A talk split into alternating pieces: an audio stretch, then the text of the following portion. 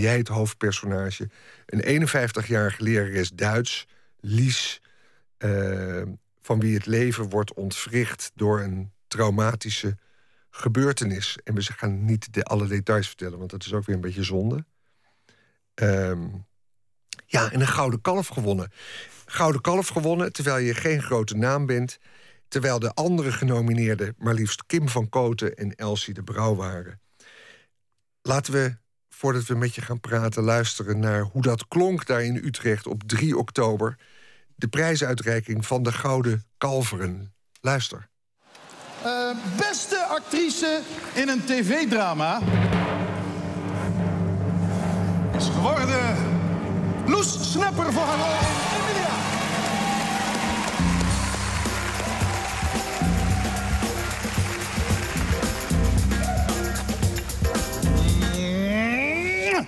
Alsjeblieft, gefeliciteerd. Ja, dankjewel. Ja, ja. Mwah. Dankjewel. Gaat u gaan. Wow. Uh, ja, ik heb wel iets voorbereid. Ik even mijn bril pakken. En mijn briefje.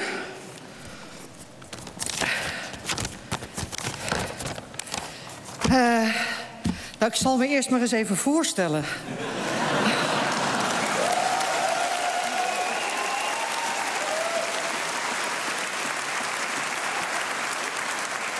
Ja, goedenavond allemaal. Mijn naam is Loes Snapper. Uh, ik ben actrice. Ik ben ook trainingsactrice. Gisteren stond ik nog in Lichtenvoort in een training. En vandaag ben ik dan hier en dat is ook leuk. Ja, Loes Snapper, je had gelijk de lachers op je hand. ja. En het is natuurlijk een legendarische zin. Ik zal me eerst maar eens even voorstellen. Terwijl je eigenlijk op dat moment de beroemde actrice van het land bent. Uh, ik dacht, uh, ik begin met een zin waarvan ik vermoed dat iedereen eh, denkt: wie is die vrouw? Waar ken ik die van? Dus met een beetje zelfspot en uh, uh, ja. Ja. Um, maar ja, is eigenlijk, en daar kunnen we het misschien straks over hebben, dat de keuze voor een actrice ook in, dit, in deze telefilm ja, dat die niet voor de hand... Er is niet een grote naam gezocht. Er is juist eigenlijk een wat onbekendere actrice gezocht. En dat werd jij.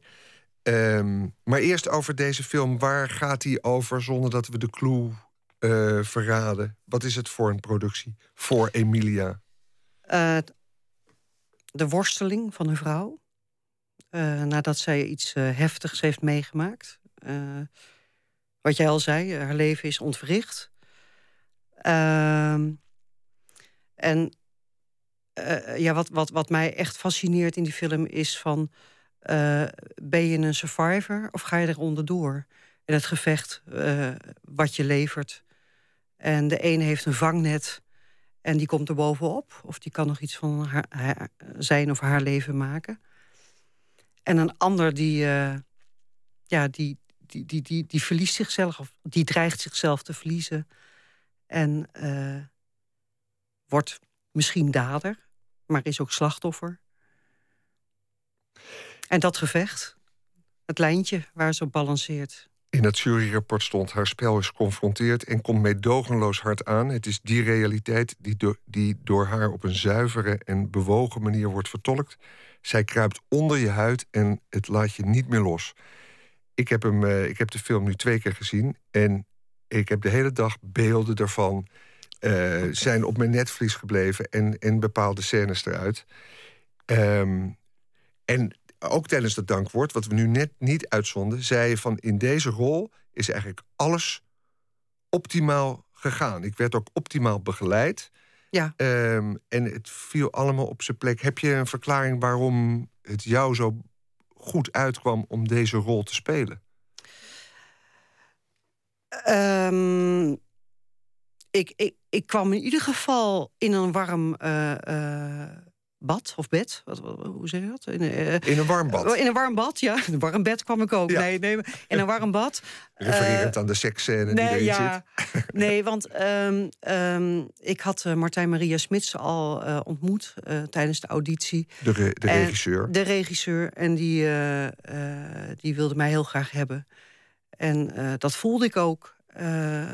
En dat, ja, dat is natuurlijk heel fijn als iemand iets in je ziet. ja, daarmee had ik al het gemak, had ik, had ik al een bepaald gemak. mijn zenuwen waren daar, die, speelden, die speelden geen parten. Ehm, dan de kans om drama te spelen, dat ik comedy kan, dat, dat, dat weet ik. maar ik weet ook ik wist, ik weet dat ik ook drama kan, maar ik heb nooit die kans gehad. Ehm,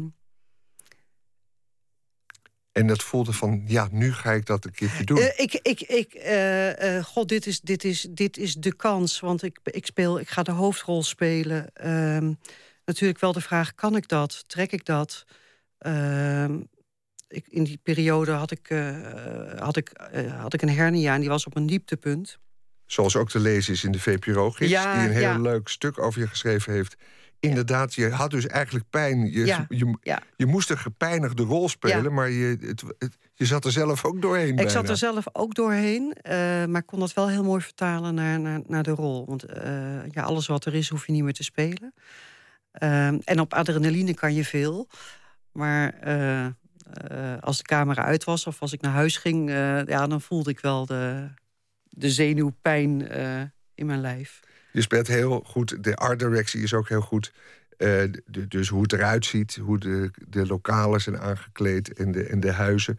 Uh, je speelt een lerares Duits aan de middelbare school, heel herkenbaar. De 50 gepas, gepasseerd. heel klein fragmentje. Hier zitten jullie met andere, leer, met andere leraressen, zijn dat, te praten over het ouder worden. Luister, je vrouwelijke hormoon, dat gaat weg. En, en dat wordt, op een gegeven moment wordt dat, uh, wordt dat uh, testosteron. Dus dan... Je vrouwelijke ja, hormoon wordt ja, maar, testosteron. Ja, maar stel je voor, wij krijgen testosteron. Weet je hoe leuk dat is? Krijg je dan haren op je borst? Nee, je krijgt gewoon, je denkt, dikke lul voor iedereen. Ik zie er naar uit. Ja, het is ook een manier, dit, dit, deze vorm van, van uh, spelen, van toneel, van, van acteren, schurkt tegen documentaire aan. Klopt, ja. En daar heb je ervaring mee, dat, daar voel je je kennelijk thuis, is het niet? Ja, uh, dat is deels door mijn werk. Ik ben, ik ben naast dat ik actrice ben ook werkzaam als trainingsactrice. Wat is een trainingsactrice? Een trainingsactrice wordt ingezet op trainingen in samenwerking met een trainer. En ik zeg altijd, het is het levende oefenmateriaal... daar waar mensen iets moeten leren, vaardigheden. Ik zie dan gelijk een politiebureau vormen... met agenten die lastige arrestanten... Ja, dat, dat soort training heb je ook, maar eh, er zijn er zoveel. Je hebt ook gespreksvaardigheden, je hebt, je hebt persoonlijke effectiviteitstrainingen. Het gaat altijd over gedrag en over uh, uh, ja, vaardigheden, interventies... Uh, die je kan aanleren als een professional.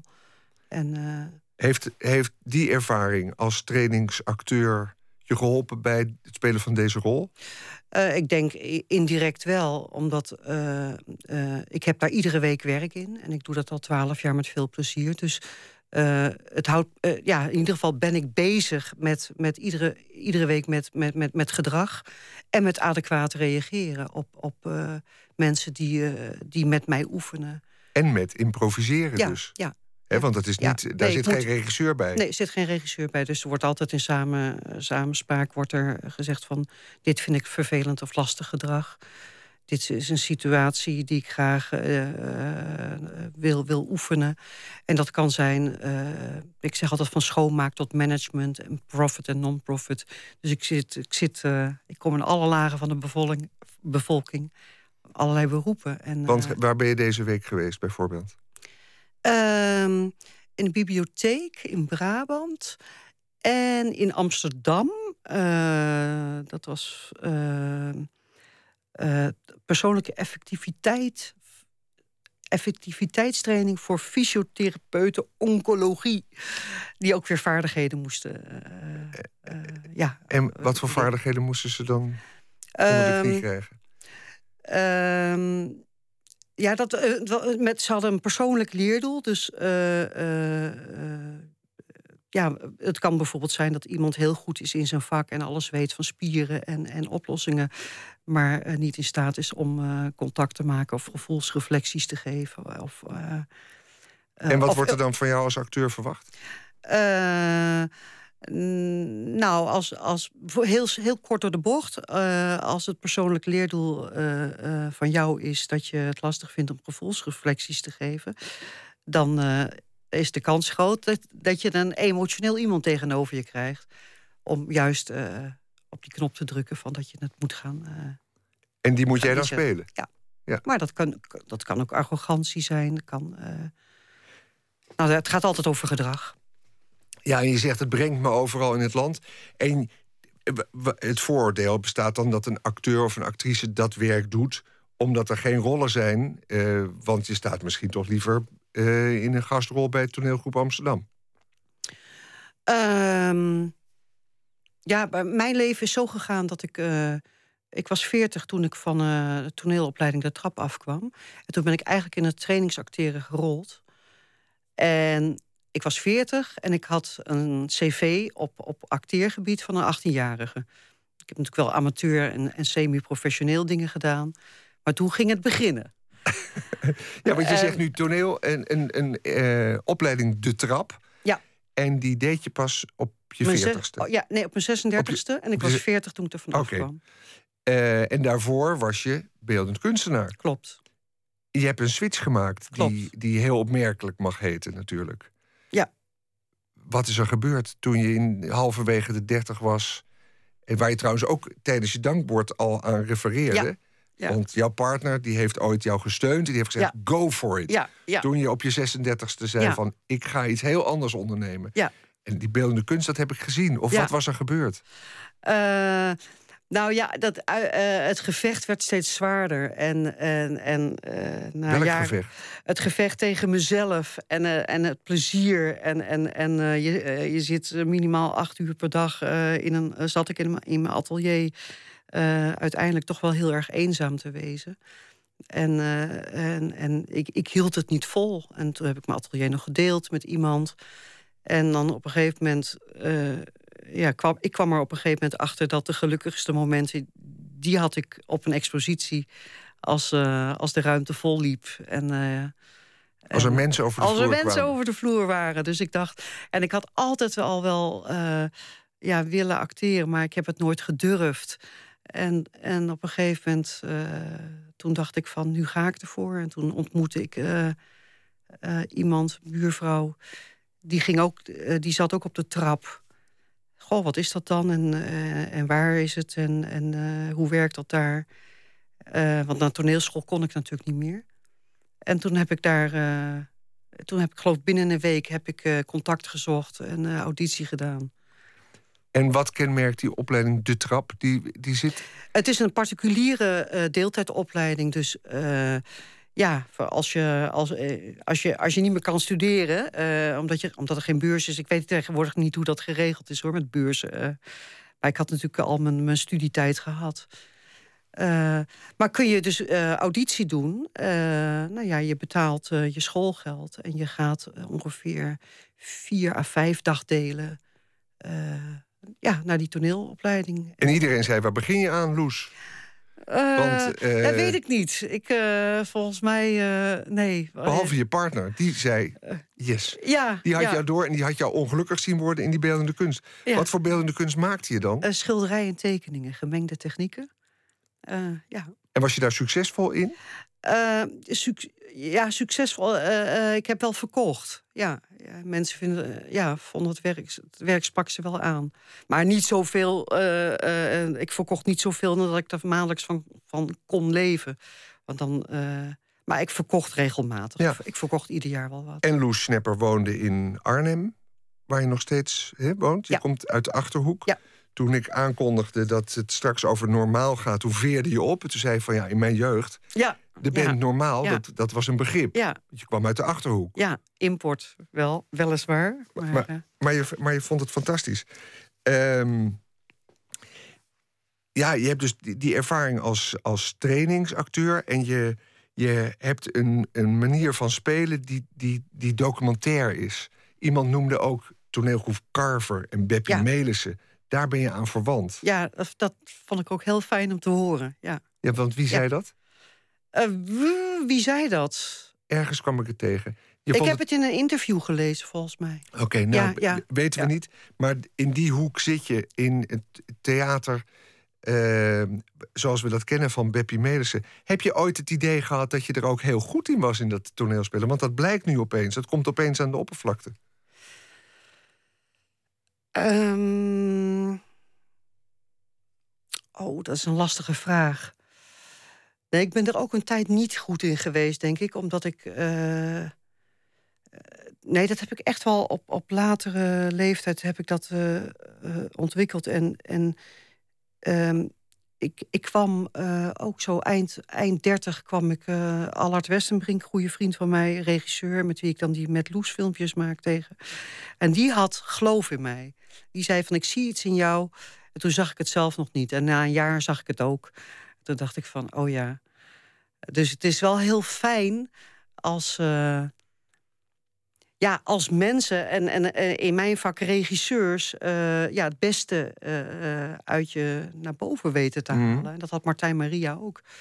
Maar dan met drama. De regisseur die zich heel Ja. erg heeft ingezet om jou op die plek te krijgen. Ja, die, heeft, die zag al iets.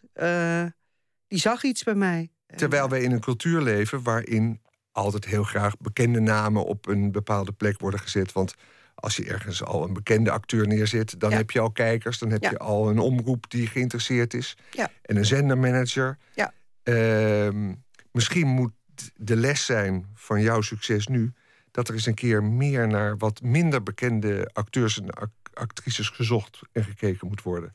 Eh, ja, ik, ik denk het wel. Als daar, eh, volgens mij loopt er heel veel talent eh, rond.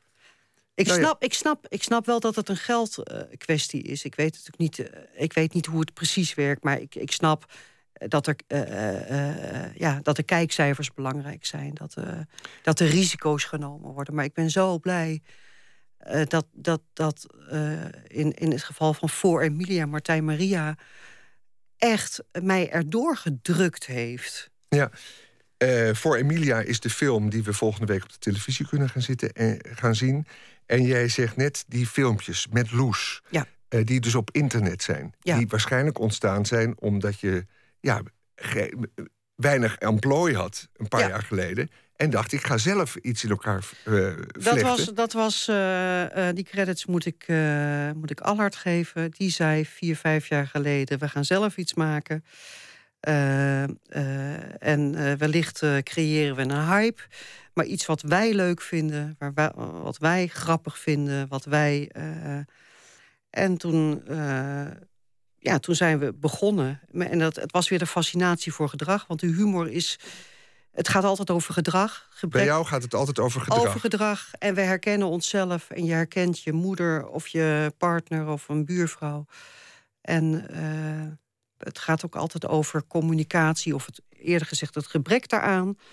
Ehm, En het is humor en het, he- Ja. is- het heeft ook iets heel wrangs. En het, het heeft, schuurt. het ja. schuurt en het heeft een enorm succes. Want je hebt met bepaalde filmpjes die op YouTube zijn te Ja. vinden... 50.000 hits eh, gehaald. Ja, ja. En een soort cultstaat, Ja. cultstatus bereikt. Beroemd op internet. En, eh, ja. En dan wordt er bij alle omroepen... En wat kenmerkt deze, deze Loes in die filmpjes? Wat is het voor een vrouw? In de filmpjes, nou, er zit natuurlijk een deel van mezelf in, mijn, eigen fascinatie. eh, ehm, eh, maar ook dingen die, eh, ja, die ik zie. eh, ehm, wat is het voor vrouw? Nou, het, het, kenmerkt natuurlijk wel weer het schaamteloze. Het, het, het, het, pijnlijke. Het, Ja, want we hebben het nu Ja. over actrices die een beetje zijn doorgebroken. Zoals Bianca Krijgsman ook. Die, Ja. we, die we kennen eh, hè, van, van Pien en Bianca. ja, Die eigenlijk Plien. ook- Plien Ja, en Bianca, die ook dat schaamteloze eh, vaak hebben. ja, ja. Geweldig. Is dat, is dat ook iets vrouwelijks wat achtergebleven is bij, bij, de, bij de wat grovere humor die bij mannen eh, al eerder naar buiten is gekomen? Zit ik me nu te bedenken. Ja, nee, dat zou, dat zou ik niet weten. Eh, eh, ik heb het altijd fijn gevonden, ook in de beeldende kunst. eh, als ik naar een schilderij kijk, dat ik geraakt word. Dat, dat het me pijn doet, of dat ik daar afschuw, of vreugde, of wat dan. eh, buitenkant mooi interesseert me niet. En, en dat heb ik met muziek ook. En dat heb ik met theater en film ook. Dat is, dat is waar ik van hou. En eh, dat wil niet zeggen dat ik, als mij mijn rol wordt aangeboden waarin het niet zo schuurt, dat ik het, eh, dat ik het ook zou doen.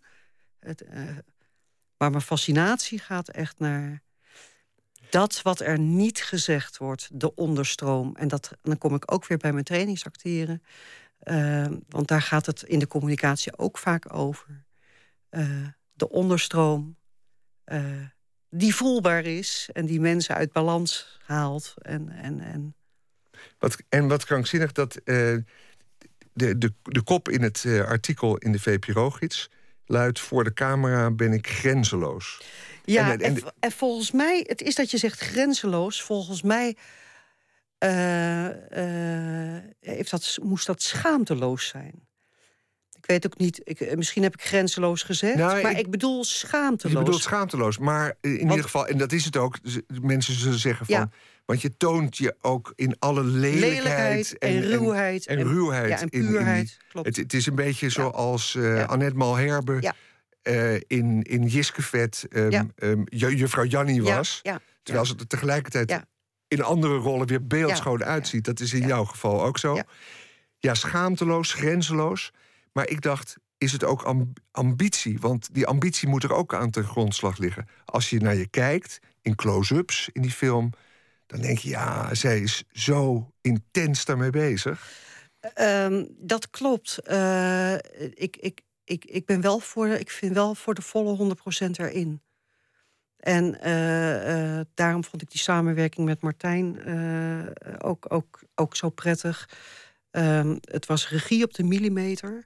Een shot van mijn, van mijn blik. Ja, ja, tien keer over. Ik geloof je niet. Ja, Ja, en dat- net en- een, en, en dan snapte ik, hem- dan snapte ik hem. Want dan, dan, da- want dan voelde ik van... Nee, nee, het is buitenkant. Het is het net niet. Ja. Shit, ik kan er niet bij. En hij zag dat dan, en jullie hadden samen, dachten jullie, het kan Ja. nog beter en nog anders. Dus hij verstoorde het niet, maar hij moedigde het aan. Ja, Martijn Maria Smits, die, is dus de, die, die komt de eer toe dat hij jou eh, op die plek gezet heeft.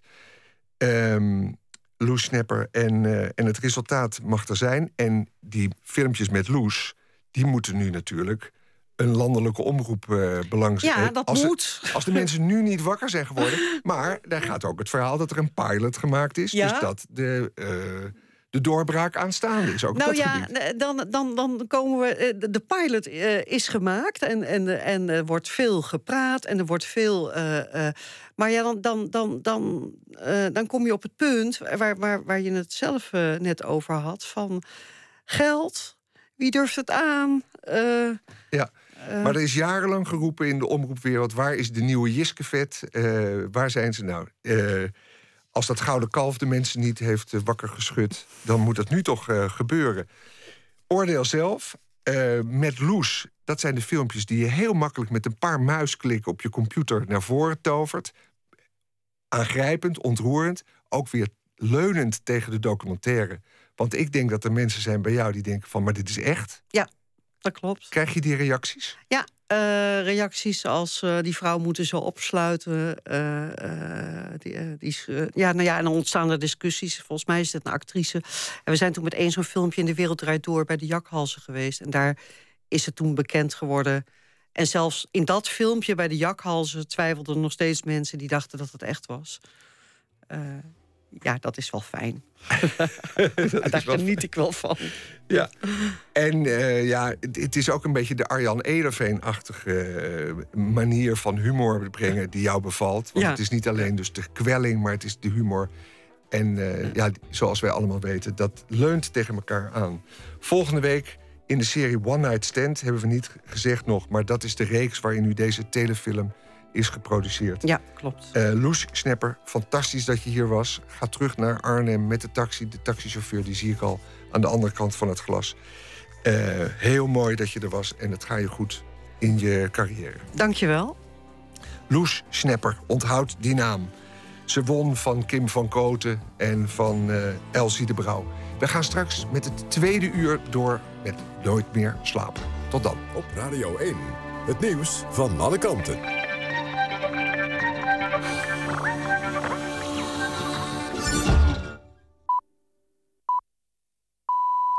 Het is 1 uur, Jeroen Tjepkema met het NOS Journaal.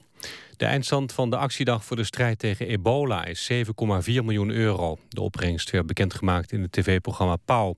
De hele dag was er op radio en tv aandacht voor de actie Stop de ebola-ramp van de samenwerkende hulporganisaties. Het publiek kon bellen naar een panel in beeld en geluid in Hilversum om te doneren op Giro 555. Het startbedrag vanochtend was ruim 4,5 miljoen euro. Een Hagenaar van 18, die wordt verdacht van het ronselen van jihadgangers... mag voorlopig niet worden uitgezet. Dat heeft de rechter bepaald in een tussenvonnis. De jongen wordt ervan verdacht dat hij de afgelopen twee jaar... zeker vijf mensen heeft aangezet om deel te nemen aan de gewapende strijd in Syrië. Hij is in Nederland geboren, maar heeft alleen een Marokkaans paspoort. De Immigratie- en Naturalisatiedienst vindt dat hij kan worden uitgezet... maar volgens de rechter kan dat nog niet. De jongen heeft bezwaar aangetekend tegen het innemen van zijn verblijfsvergunning... en pas als dit bezwaar is behandeld mag hij worden uitgezet. De pluimveeslachters stappen maandag naar de rechter... als staatssecretaris Dijksma de maatregelen tegen de vogelgriep niet snel versoepelt. Vervoersbeperkingen zijn niet meer nodig, zeggen ze... omdat er al dagen geen nieuwe besmettingen meer zijn vastgesteld met het vogelgriepvirus. Volgens de organisatie wijst alles erop dat het virus van wilde vogels komt... en is een ophokplicht dus genoeg.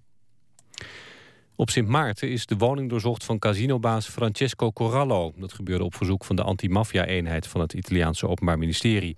De politie deed ook huiszoeking in een casino waar een aantal bedrijven van Corallo zit. Corallo is ook bekend als financier van voormalig premier Gerrit Schotten. In de Eredivisie is afgelopen avond één wedstrijd gespeeld. Willem II won in en tegen Dordrecht met 4-0. Willem II is nu geklommen naar de achtste plaats. Dordrecht blijft hekkensluiter met nog maar vijf punten uit 14 wedstrijden. Het weer, het blijft droog. Temperatuur vannacht van 4 graden in het zuiden tot min 1 in het noordoosten. Overdag van 3 graden in het noorden tot 8 in het midden en zuiden van het land. Er is geregeld zon en het blijft droog. Dit was het NOS Journaal.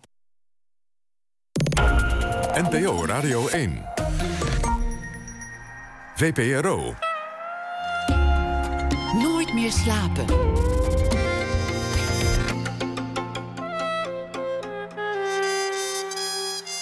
Met Anton de Goede. Welkom terug bij Nooit meer slapen. Wat brengt ons dit uur? Atse de Vries. Atse de Vrieze gaan we horen over de wereld van de pop. En een verslag van de ontmoeting met Benny Jolink. U hoorde hem al genoemd worden net. De voorman van de Achterhoekse formatie Normaal. Ze hebben een nieuw album uit, getiteld Deurdonderen in de Achterhoek. En bovendien staat Joling dit weekend op het Wintertuinfestival. En we praten met beeldend kunstenaar Arnoud Mik... die voor het ITVA een aantal documentaires heeft geselecteerd... over beeldvorming. Met hem praten we over de werking van de media. Maar we beginnen op dit uur zoals te doen gebruikelijk... met een schrijver of dichter die reageert op iets wat er in de wereld is gebeurd. Voor de laatste keer deze week doen we dat met schrijver en dichter Erik Jan Harmens... Gedebuteerd als dichter in 2003 met de bundel In Menigten. Romandebuut verscheen vier jaar later. Kleine doorschijnende man. Zijn meest recente uitgave is de dichtbundel Open Mond uit 2013. En uh, ja, eerder deze week hoorde ik je vertellen dat je mm, je manuscript niet uh, bij een uitgever hebt langsgebracht, maar door een klik op je computer wel naar je uitgever hebt doorgezeind, Erik Jan Harmens. Goedenacht. En weet je wat er toen gebeurde? Toen uh, kreeg je hem terug. Nee, dat niet. Nee, ik, kreeg hem, ik, ik heb hem gemaild met het verzoek om mij dan weer een print terug te sturen. En die heb ik alweer binnengekregen ook. Dus voor mij ligt gewoon heel ouderwets nu weer het manuscript met een mooi uh, bandje eromheen. En dan kan ik dat dit weekend nog even fijn gaan doorlezen voor het laatst. Voordat, het, uh, voordat we een zetproef gaan maken. Want jouw printpapier was op? Nou, het is meer het is gewoon... Ik heb zo'n uh, shitprintertje. Zo'n klein rotprintertje, ik moet het even netjes zeggen. Ik had andere woorden gedacht. En uh, dus dat schiet niet op, weet je. Dat duurt langer dan een roman schrijven, denk ik. Dus, uh, dus ik dacht, ik laat het maar even uitprinten. Oké, okay, en nu, ja, dan is het toch eigenlijk meer een bundel dan, dan een computerbestand. Ja, nou, nu bedoel je? Ja. En het is nu weer gewoon een roman in papier. Ja, in het is papier. gewoon een, echt een dik pak. Ja. En dan ga ik dan weer heel oldschool gewoon met een rood pennetje op zitten schrijven.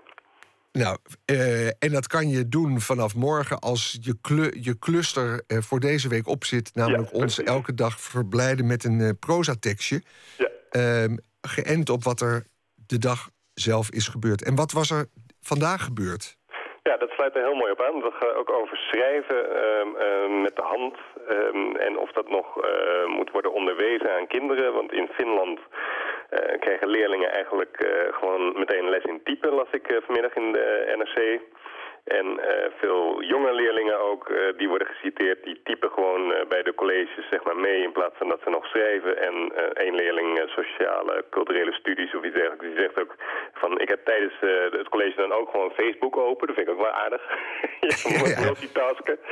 En ehm, een heel onderzoek, daar gaan we het niet helemaal over hebben, maar dat heeft in ieder geval geleerd dat als je bij een college meeschrijft, dan neem je veel meer kennis op dan als je meetypt. Van meetypen, dan kan je eigenlijk gewoon woord voor woord alles meetikken, dan ben je een soort robot.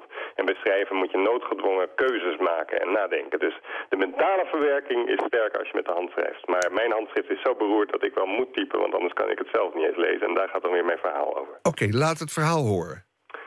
Toen mijn vader nog thuis woonde, zag ik hem bijna nooit. Toen hij na de echtscheiding ergens anders ging wonen, zag ik hem zo mogelijk nog minder. Pas later zijn we steeds dichter tot elkaar gekomen en zelfs van elkaar gaan houden. Toen hij doodging, dacht ik, waren we daar maar eerder mee begonnen. Mensen willen altijd meer, meer, meer. Voordat we van elkaar begonnen te houden, hebben we een tijdje gecorrespondeerd. Per brief, want je had toen nog geen e-mail. Mijn vader schreef dat hij vond dat ik een geweldig mooi handschrift had, alleen dat het wat moeilijk te lezen was. Verder walgde hij van het feit dat ik niet consistent was in het gebruik van kleine letters en kapitalen. Soms schreef ik de hoofdletter A als een uitvergroting van de kleine letter A... en andere keren schreef ik hem in de vorm van een indianentent met een streep ertussen. De Franse schrijver Marcel Proust, die leefde van 1871 tot 1922, had ook een niet te ontcijferen handschrift. Hij leverde zijn manuscript in bij zijn uitgever en die moest dan maar wat zien te berouwen van de hanenpoten en de talloze pijlen en strepen die weer naar allerlei kleingeschreven notities verwezen. Op de drukproeven volgden dan nog eens vele honderden in haast gekrabbelde correcties en aanvullingen. Allemaal onleesbaar. Dus ik neem aan dat de uitgever van Proust, Gaston Calimard, meestal gewoon maar heeft gegokt wat er zo ongeveer zou moeten staan. En misschien heeft mijn vader dat bij mijn brieven ook wel gedaan. Ik hoop dat ik alleen maar lieve dingen heb geschreven. Nou ja, je weet eh, dat de schoonheid eh, in het oog van de toeschouwer zit. Hè? Dus, eh, dus die vader die heeft vast jou. Ja, nou, is er iets duidelijk geworden van wat hij vond van wat je hem schreef? Nee, hij, heeft eigenlijk, eh, nee, hij, was zelf, eh, ehm, ehm, toen ik twaalf was, toen was ik nog niet aan het schrijven. En hij eh, was, was een begaafd schrijver, dus hij, kon, hij had hele dikke papier, dikke velle papier volgeschreven met zwarte inkt en met allemaal hele goede grappen, weet ik nog. Dus ik moest er altijd heel erg om lachen. Maar ik was zelf nog niet bij machten om, dat, om hem met gelijke munt terug te betalen in de positieve zin, zeg maar. Dus ik tikte gewoon vrij feitelijke brieven terug. Dat weet ik, of tikte, schreef. Je zegt hij was een begenadigd schrijver. Hij was toch niet schrijver van beroep ook? Nee, nou, hij was journalist. ehm, maar niet eh, creatief schrijver, niet romanschrijver. Nee, maar hij schreef ehm, eh, voor de Rijn en Gouwen, dat is een regionale krant in Alphen aan de Rijn. En eh, later is hij eindredacteur geworden van Computer Totaal. Dat is een computertijdschrift wat hij dan maakt. Juist. Erik-Jan Harmens, misschien dat we nog eens een keer jou over je vader lezen... in bijvoorbeeld een roman die je nu in, eh, in, in hele embryo... Hoe noem je dat? Embryonale... Embryonale toestand voor je op je Ja, bureau hebt liggen. geboren. In januari wordt hij geboren. Oké, we kijken daar naar uit en we danken je zeer... voor een week lang bijdrage aan Nooit meer slapen. Graag gedaan, dankjewel. Anton. Dankjewel, dag. Dag. Ehm, en hier gaan we luisteren naar Lord. Ze is amper 17 jaar, heeft al twee Grammys in de kast staan... en scoorde een wereldhit met Royals. Ik heb het over de Nieuw-Zeelandse artieste Lord. We gaan luisteren naar het nummer Leather Song... een cover van Bright Eyes.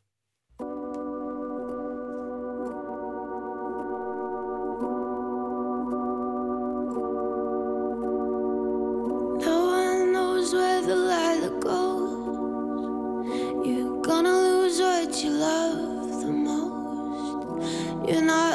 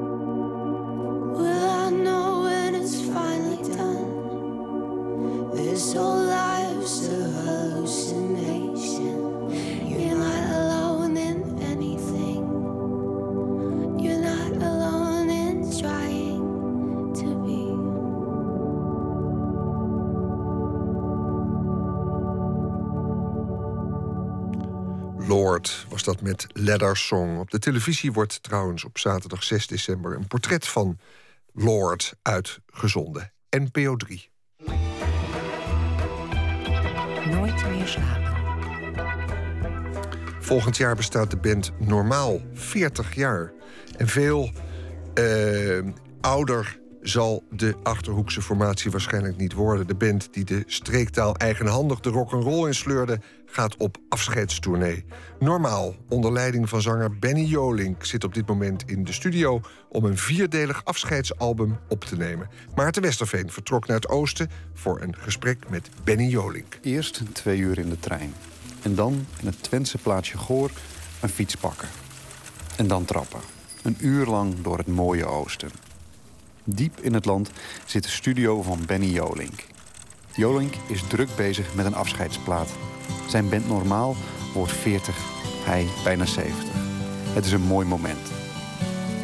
Of het definitief is, moet maar blijken. Maar Normaal speelt voluit of speelt niet. In eerste instantie, eh, je klimt op een podium. En eigenlijk zijn dat hele vervelende mensen. Mensen die op een feestje op tafel springen en zeggen roept u maar. En die graag de boel willen vermaken. Maar dat deed ik als jongen op schoolreisje al. Dan greep ik die microfoon en dat zat er toen ook al in zo'n bus. En dan eh, ging ik daar rare liedjes eh, met eigen teksten over de meester. Dat soort dingen. Ja, eigenlijk vind ik dat soort figuren. Maar ik klom op een podium. En eh, we hadden een bandje, dat was leuk. Omdat ik had meer dan genoeg van de beeldende kunst. En ik dacht, muziek is leuker. En ja, wie moet er dan zingen? Nou ja, dat, nou ja, laat mij dan maar zingen. Niet dat ik er goed in was, dat heb ik ook nooit gevonden. Maar, eh, en dan, was het, dan gaat bij mij een knop om. Dan ben ik helemaal iemand anders.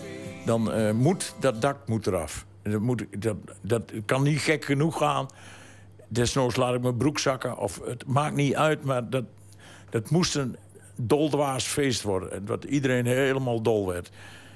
En ja, dat, dat is eigenlijk nog niet veel veranderd. Ik, als, als ik dus optreden is afgelopen, dan hou ik weer van rust. En dan hou ik van buiten wandelen met de hond en, en, en van de natuur. En, en denk ik, god, god, wat heb ik me toch weer aanlopen stellen vanavond. Zeg. Dan schaam ik me daar gewoon voor. Maar op dat moment zelf, als die broek nu nog uit zou moeten, dan gaat hij uit. Ik ben bang van wel, ja. Dat is toch, ja. Is dat nog steeds dat jochie dan dat inderdaad eh, de liedjes over de meest zingt? Is het nog steeds datzelfde ventje die dan denkt van het moet, het moet? Ja, ja, ja, kijk. Als dat gordijn open gaat. Daarvoor ook, je hoort de geroezemoes en zo. En dan hebben we een introtape. En dan gaat dat gordijn open. En dan nou, enorm gejuich. Nou, dat, dat heeft ontzaglijke invloed op mij. En ik juin dat publiek nog weer verder op. Ik vergelijk het vaak met seks. Het is, het is wel een beetje dezelfde handeling, maar het is toch weer nieuw en, en geweldig innoverend. En uh, ja, wat ik zeg, dat, dat kan me niet gek genoeg afgaan. Maar als het, als het maar een enorm feest wordt. En dan, ja, na die tijd, dan denk ik, poeh, hè, hè, nou, nou. En dan komt dus de achterhoeker in jou boven die zegt van, nou, is allemaal wel nodig. Ja, en de, en de opa. En ze, nou, blij dat mijn kleinkinderen er niet bij waren. Maar er is één optreden per jaar, daar komen mijn kleinkinderen wel. Dat is op zondag een koffieconcert in Toldijk. Uh, vijf kilometer van mijn uh, slaapkamer af. En ja, daar doen we een beetje theaterachtig. En, en dan bouwt het wat op. Maar dan, uh, ja, dan onthoud je je ook van schuttingtaal en dat soort dingen. Ik heb het geweer niet bij al in de kieker in mijn hand. Ik wil het van dichtbij zien. Ik wil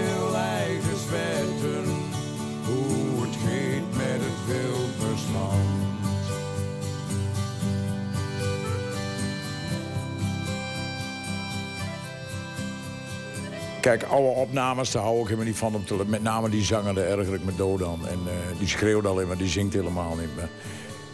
En dan toch, als je, om wat te checken, dan draai je uh, oude platen even. Van hoe ging dat ook alweer? En dan zie je toch dat op al die LP's en later CD's, die, al die albums... dat er toch per album wel twee of drie echt mooie, mooie liedjes op zijn. Dus da daar ben ik wel trots op, ja. Wat, um, wat, wat die liedjes? Wat maakt nou dat... Uh, kan je herkennen wat het is aan die liederen die, die er voor jou dan uitspringen? Um, soms zijn ze... Nou, bijvoorbeeld Oerend is een hartstikke goed liedje. Dat, dat moet ik toch wel zeggen. En... Uh, nou, dat het gewoon goed gemaakt is. Maar andere keer is het omdat het iets persoonlijks zegt over mezelf, de tekst. En de andere keer is het, uh, ja, het is een mooie melodie. En soms beide. Ben jij een, um, ben je over die 40 jaar ook echt een betere muzikant geworden? Ik ben nog steeds een heel matige muzikant, maar ik ben wel veel beter gaan zingen. Maar zingen is ook muziek maken. Dus, uh, maar uh, instrumentaal uh, bak ik er niet veel van. Ik ben een zwakke schakel in de band, maar ik heb weer andere kwaliteiten. Nou ja, maar als, um, als tekstschrijver bijvoorbeeld... Wat, um, wat kan je nu dat jij, wat jij bijvoorbeeld eerder niet kon? Wat, um, wat is het onderzoek? Wat, wat, wat is daarin veranderd?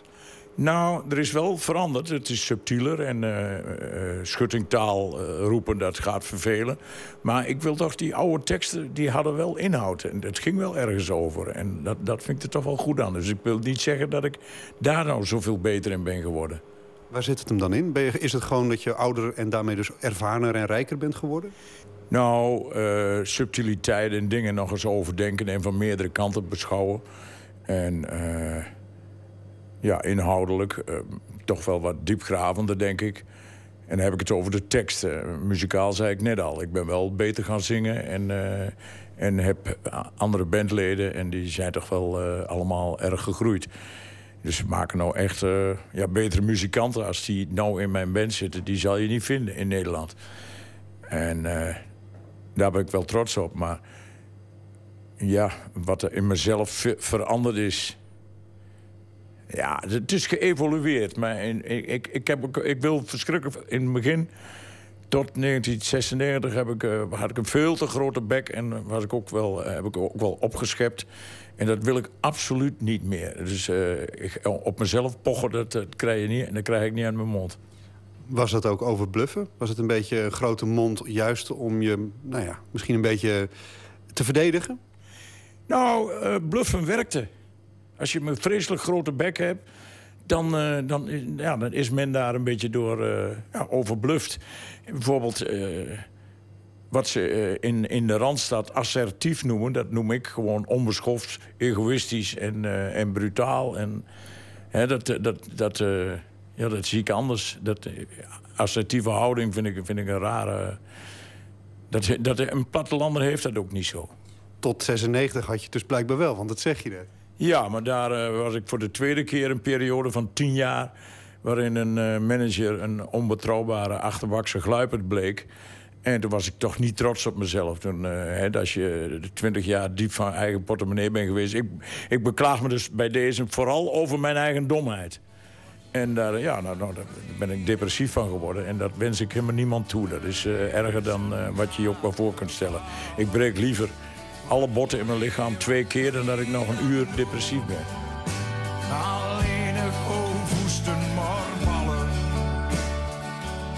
Jullie zijn nu bezig met die nieuwe muziek.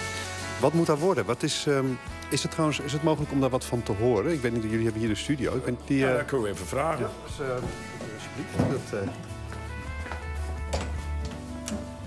eh, ik kan ondertussen vertellen dat we vier cd's gaan maken. Dus een, een box met vier cd's. Oké. Een, eh, een country, een rock and roll, wat wij nou hoort. En een a cappella. En eh, een cd waar ik niet op voorkom, alleen de bandleden. Waarom? Omdat je denkt, een keertje meer het... eh, het... Ja, misschien dat zij verder willen als, na de afscheidstournee. En dat zou je, daar zou je mezelf mee kunnen leven? Zou dat jochie waar je het net over had, zou die daarmee kunnen leven? Oh, heel goed, heel goed.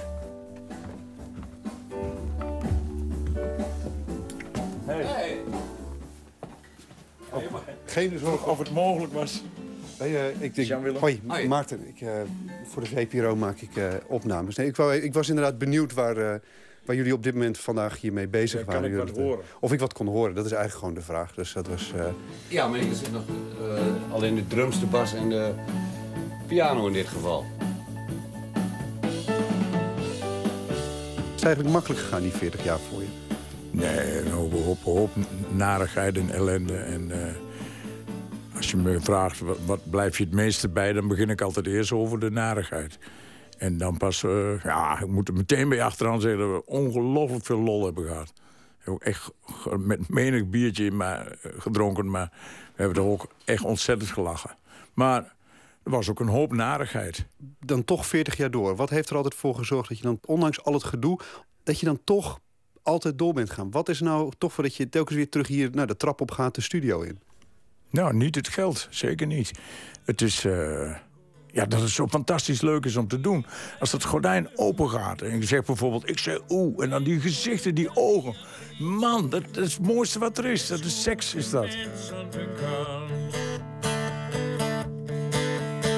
Verlogen afkomst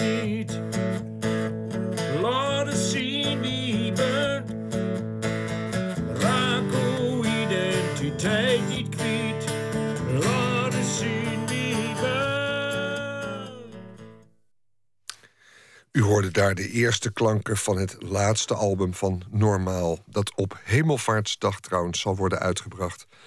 Mooie introspectieve Benny Jolink. U kunt hem trouwens ook dit weekend zien en horen op het Wintertuinfestival in Nijmegen. Waar hij samen met schrijver en dichter Ilja Leonard Pfeiffer het podium beklimt. En eh, u hoorde een bijdrage van Maarten Westerveen, die zichzelf al voorstelde daar aan de muzici in de studio. Over muziek gesproken, in 1965 nam Nina Simone het nummer Feeling Good op. Nu, bijna 50 jaar later, over terugkijken gesproken, is het terug te vinden op het tribute-album Round Nina, waarop uiteenlopende soul- en jazzartiesten een eer aan haar bewijzen, onder wie de Franse soulzanger Ben L'Oncle Soul. Dit is zijn versie van Feeling Good. Birds flying high, you know how I feel. Sun in the sky, you know how I feel. Breeze drifting on by, you know how I feel.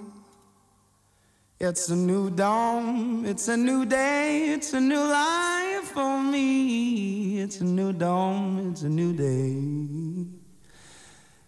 Ooh, and I'm feeling good. yeah.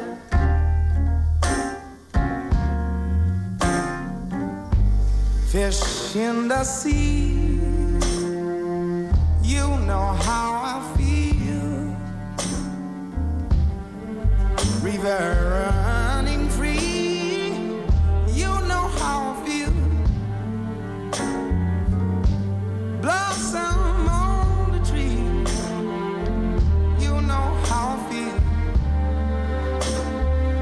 It's a new dawn, it's a new day, it's a new life for me, and I'm feeling good.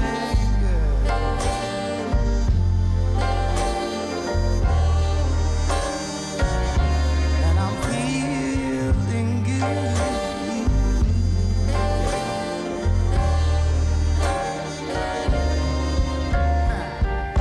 Dragon.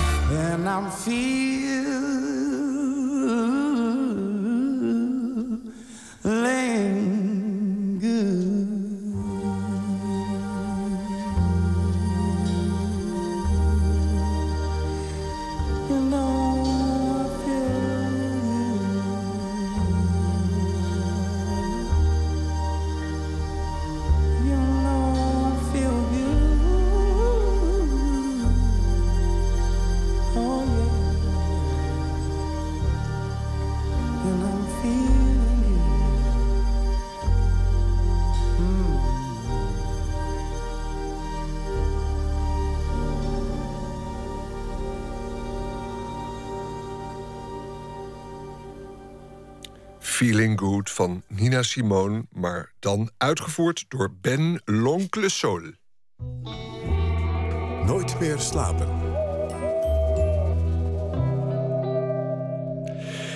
Dan nu, iedere vrijdag bellen we rond dit tijdstip voor een culturele tip met een van VPRO's smaakmakers. En vandaag doen we dat met Atse de Vrieze, muziekjournalist, actief bij 3 voor 12. Goedenacht, Atse. Hi, hi. Hey. Ja, gisteren was er een aflevering van de Rekenkamer op de televisie. En daarin stond de volgende vraag centraal: hoe wordt de prijs van een boek bepaald? Volgens die Rekenkamer is gemiddeld 10% gereserveerd voor de schrijver, 40% gaat naar de boekhandel, 5% voor de drukker en 45% voor de uitgever.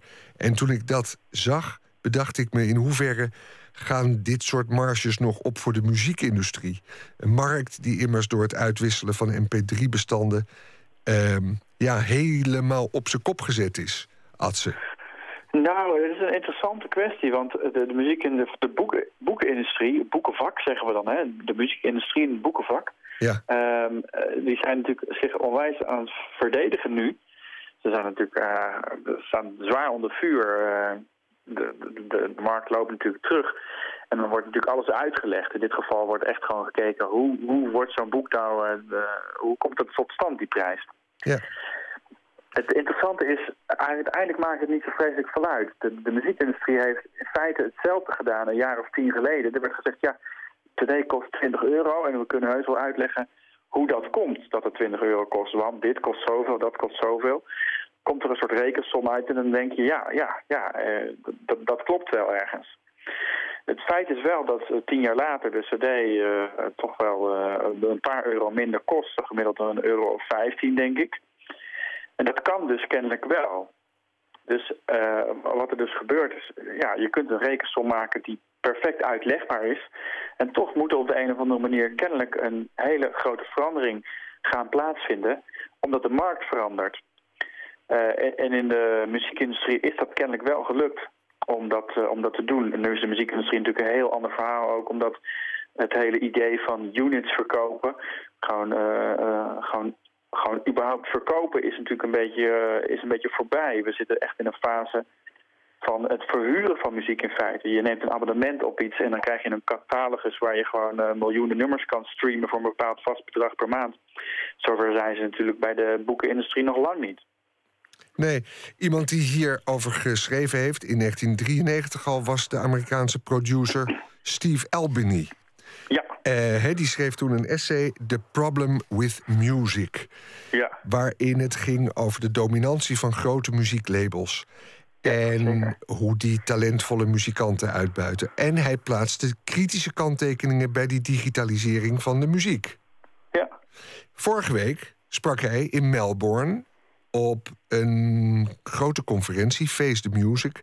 Je zou verwachten dat hij nu, twintig jaar later, nog steeds kritisch, misschien zelfs nog kritischer zou zijn. Maar het tegendeel is waar. Vertel. Ja, maar dat is ook wel interessant, want hij is, hij is heel erg blij eigenlijk wel met een aantal dingen die de digitale digitalisering veroorzaakt heeft. Dat is dat je gewoon als muzikant heel erg veel zelf kan doen. Het grappige is dat hij eigenlijk een soort van, ja, op een bepaalde manier haast utopische eh, zienswijze heeft aangenomen. Je hebt gewoon eh, bepaalde websites als Bandcamp bijvoorbeeld, waar een band helemaal zelf dingen, muziek online kan zetten en eh, zelf transacties kan verrichten. En dat ziet hij toch als een ontzettend goede ontwikkeling. Daar, daar zie je ook meteen alweer allerlei kritiek op komen van, van mensen die zeggen van ja, hij ziet het nu toch echt te rooskleurig. En dat is eigenlijk wel interessant, want Steve Albini, dat is iemand die van nature als een soort van, zo'n soort van aardse zeiker gezien wordt.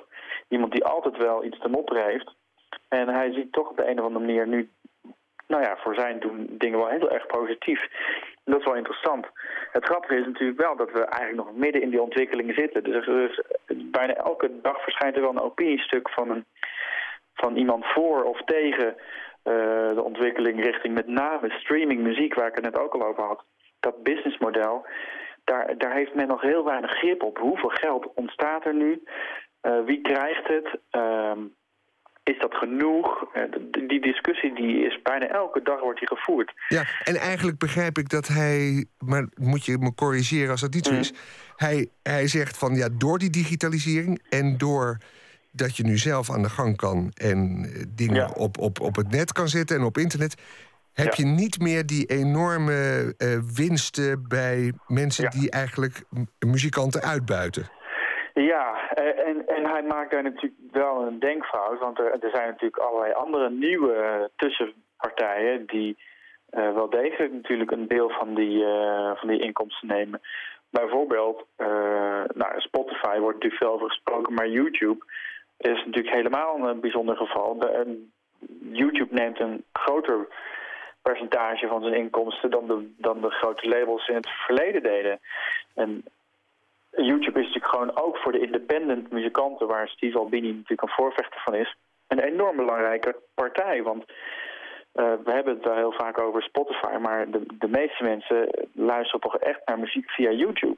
Ja, dus eh, deze meneer Elbini, die ziet het eigenlijk iets te rooskleurig naar jouw idee. Ja, dat denk ik wel. Maar ja, je schetst een wereld die volop in beweging is en dus des te interessanter. Ja, Ehm. ja ik, wat hij, waar hij natuurlijk wel gelijk in heeft, is dat mensen die een soort eh, op een individuele manier met hun eigen karakter als, als eh, uitgangspunt in plaats van een soort marketingmachine wat de major labels altijd voor eh, als een belangrijkste motor hebben. Die hebben natuurlijk wel een, eh, een manier, allerlei manieren, gewoon echt talloze tools eh, voorhanden om aan het werk te gaan. Ja. Zullen we even nog bespreken Le Guess Who? Ja, nou, het, dat is in feite daar een goed voorbeeld van. het muziekfestival in Ja. Utrecht, vorige week. Ja, Le Guess Who is een, eh, echt, een, echt een fantastisch festival in Utrecht. Het was nu eh, hun beste editie. Voor het eerst ook in het nieuwe muziekverzamelgebouw Tivoli Vredenburg met meerdere zalen. Veel groter geworden ook. Maar het boeiende is dat de basis daarvan is eigenlijk op een hele independent manier... eh, die heel erg aansluit bij wat zo iemand als Steve, Steve Albini uit, uitdraagt... Eh, heel erg persoonlijk, uitgaan van eigen smaak, je niet laten leiden door commerciële doeleinden. En dan dus in staat zijn om door middel van eh, een netwerk opbouwen, iets heel bijzonders neer te zetten. Dat heeft Le Guess Who de afgelopen jaren op een heel indrukwekkende manier gedaan, vind ik. Ja, jullie eh, bieden dat nu op 3voor12.nl aan. Eh, het muziekplatform. Opname van Le Guess Who. Wat, wat, wat tip je? Wat moeten we daar eh, in het bijzonder gaan beluisteren? Nou, eh, het veruit het allerbijzonderste concert wat daar plaatsvond... was van een Turkse zangeres, Zelda. Eh, voor veel mensen eigenlijk een, een grote onbekende... maar liefhebbers die, die sluiten haar zeer in de armen.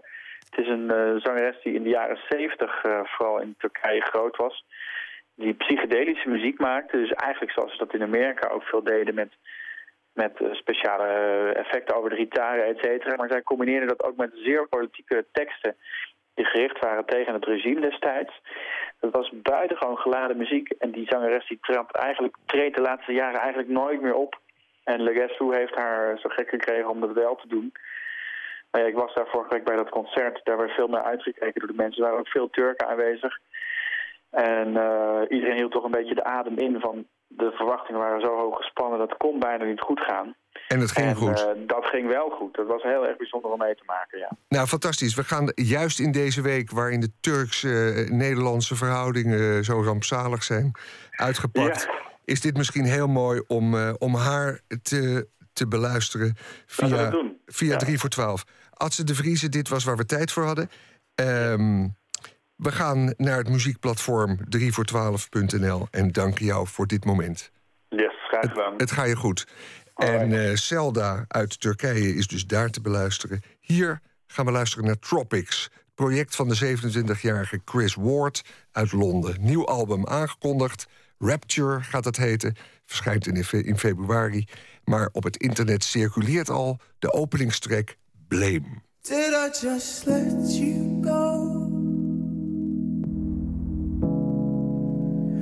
Felt so wrong.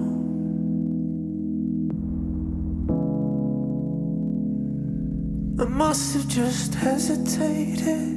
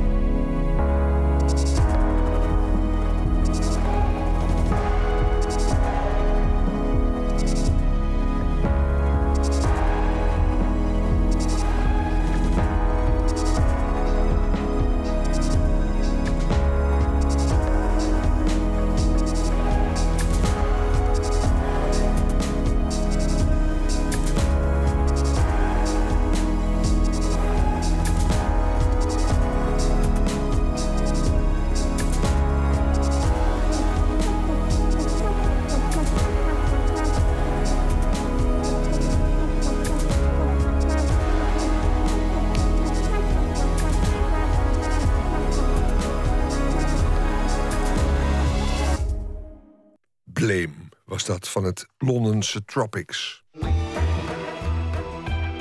Nooit meer slapen.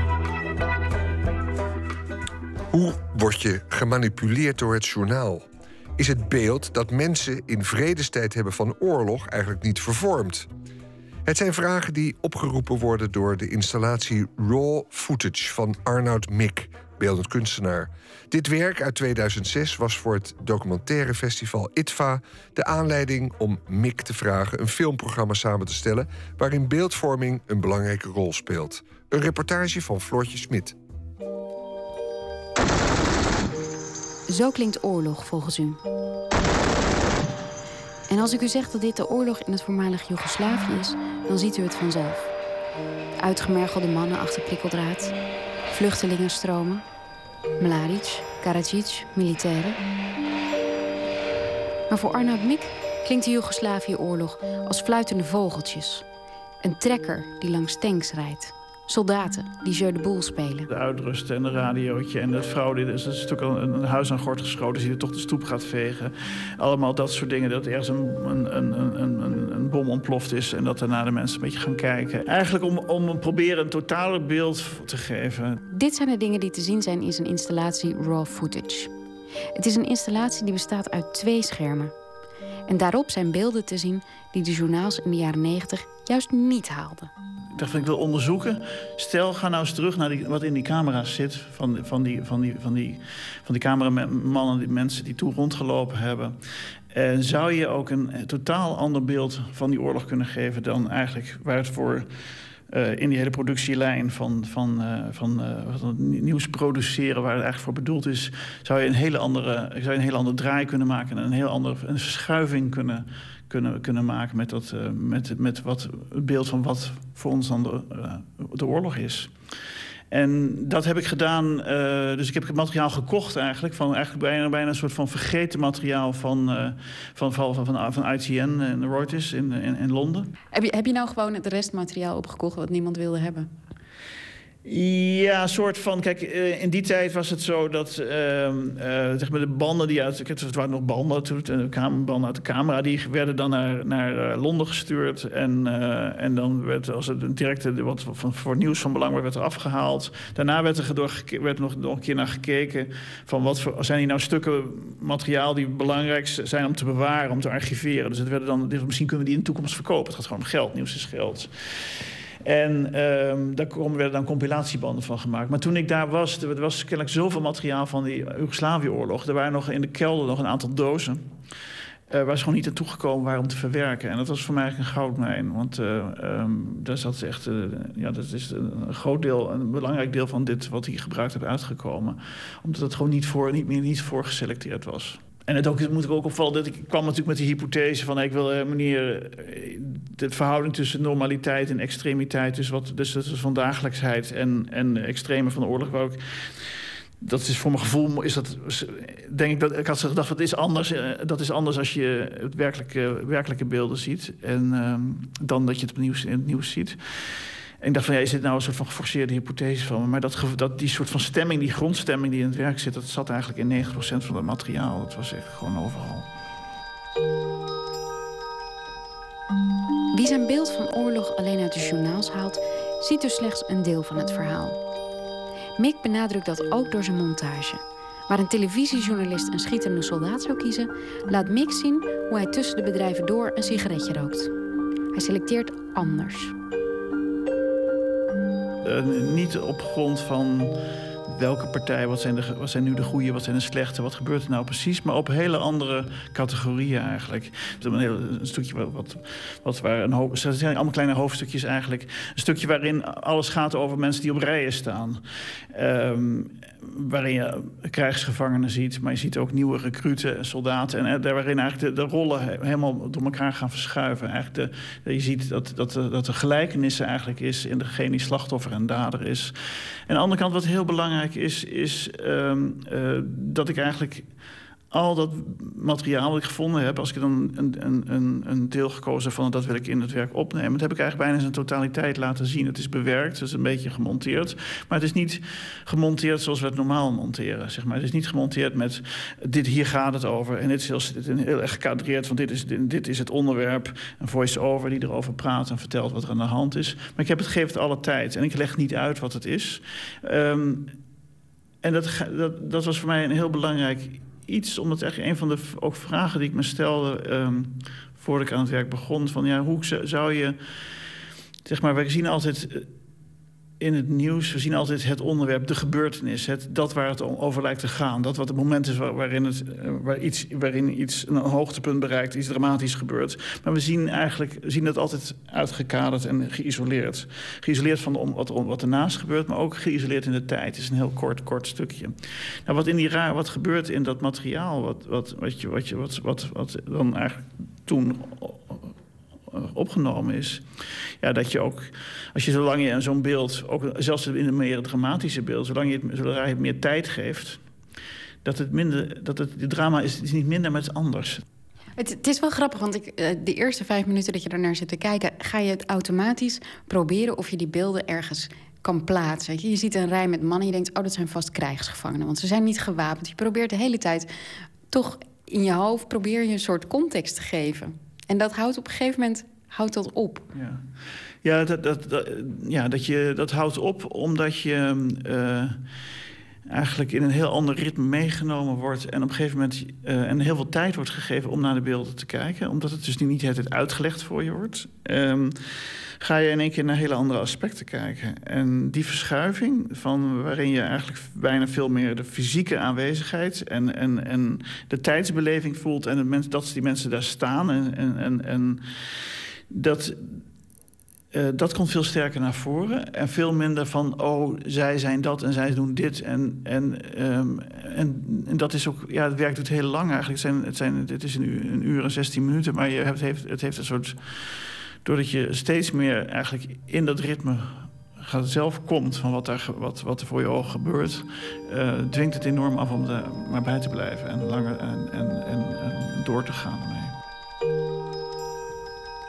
Beeldvorming is een van de thema's van ITVA dit jaar. Geen wonder dus dat het geïnspireerd raakte door dit werk van Mick. Raw footage wordt tijdens het festival vertoond. Maar ook vroeg het festival Mick om een filmprogramma samen te stellen. De films daarin onderzoeken de vage grens tussen feit en fictie, de interpretatie van beeld en de bedrieglijkheid ervan. Ik ben op zich niet zo in het nieuws zelf geïnteresseerd, ehm, maar veel meer in de nawerking die het bij ons heeft. Uh, van hoe we het ontvangen en ook uh, hoe we voortdurend ehm, eh, dingen als nabeelden in ons dragen. En een manier, of we nou willen of niet. Zelfs als we niet echt, niet echt kijken naar het nieuws of niet echt volgen. Het is natuurlijk zo aanwezig. Um, op alle, alle verschillende manieren. Dus er komt ze voortdurend, ook onbewust, komt er zoveel bij je binnen. En die, zit, die draag je met je mee. Dus die laat iets achter. En dat is waar ik heel veel mee bezig ben ja, in, in, in, mijn, in, mijn werk. Dus veel meer dat dan, dan per, se, per se de actualiteit van, van de dag, zeg maar. En het andere is natuurlijk ook wat me interesseert om... Ja, het interesseert me om, om dat wat je zeg maar als concreet beeld meedraagt. Als een, als, een, als, een, als een soort statisch beeld van... oh, dat is een herinnering, dat is een beeld van daar, dat een beeld van daar. Om dat um, um, te verwerken, maar ook open te gooien... En, en, rijker te laten worden en complexer te laten worden. Dus allerlei dingen naar het oppervlak te laten komen... die je no normaal in die directe receptie niet, niet, niet, niet, niet, niet, uh, niet ruimte voor krijgt... of niet ruimte voor neemt.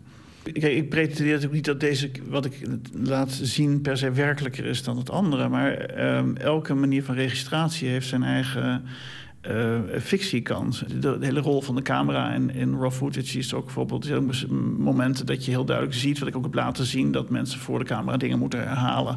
Uh, die, die die steeds maar weer overgedaan worden, omdat de cameraman dat graag wil. Dus er in andere momenten dat je uh, vrouwelijke soldaten ziet die in één keer allemaal lipstick hebben, wat evident toch voor de camera gedaan is. Dus je ziet dus aan alle kanten ook dat, ook als het zo'n re, realistische registratie is, dat er allerlei rare fictionele momenten ontstaan. En dat is natuurlijk ook het wonderlijke nu met.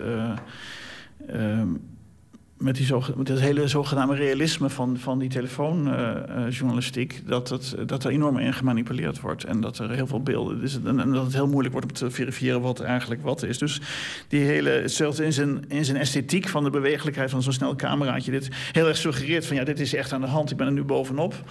Ehm, is dat natuurlijk ook niet zo. En ehm, ehm, dus dat is het enorme groot probleem van hoe, als we niet op een plek zijn en er gebeurt iets dramatisch, hoe we willen daar een beeld van krijgen, maar eigenlijk eh, wordt het elke keer gestuurd, gestuurd eigenlijk.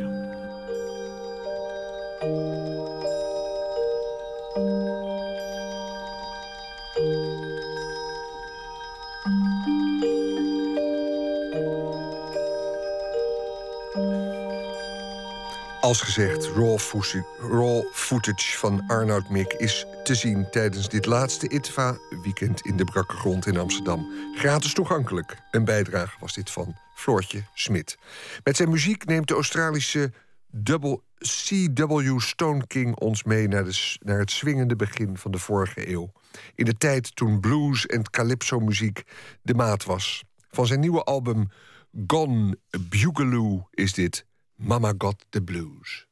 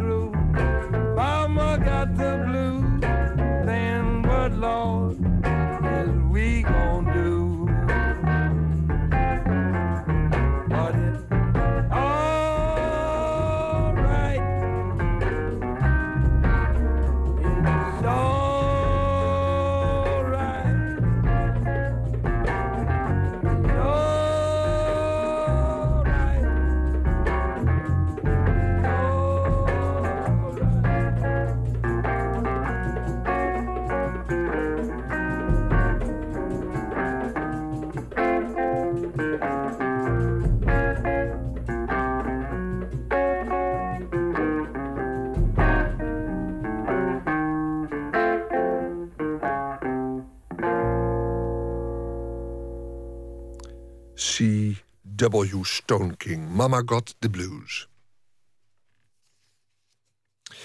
En daarmee is het bijna twee uur geworden. Eh, nooit meer slapen zit er bijna op. U hoorde al een eh, pijnlijke stilte vallen.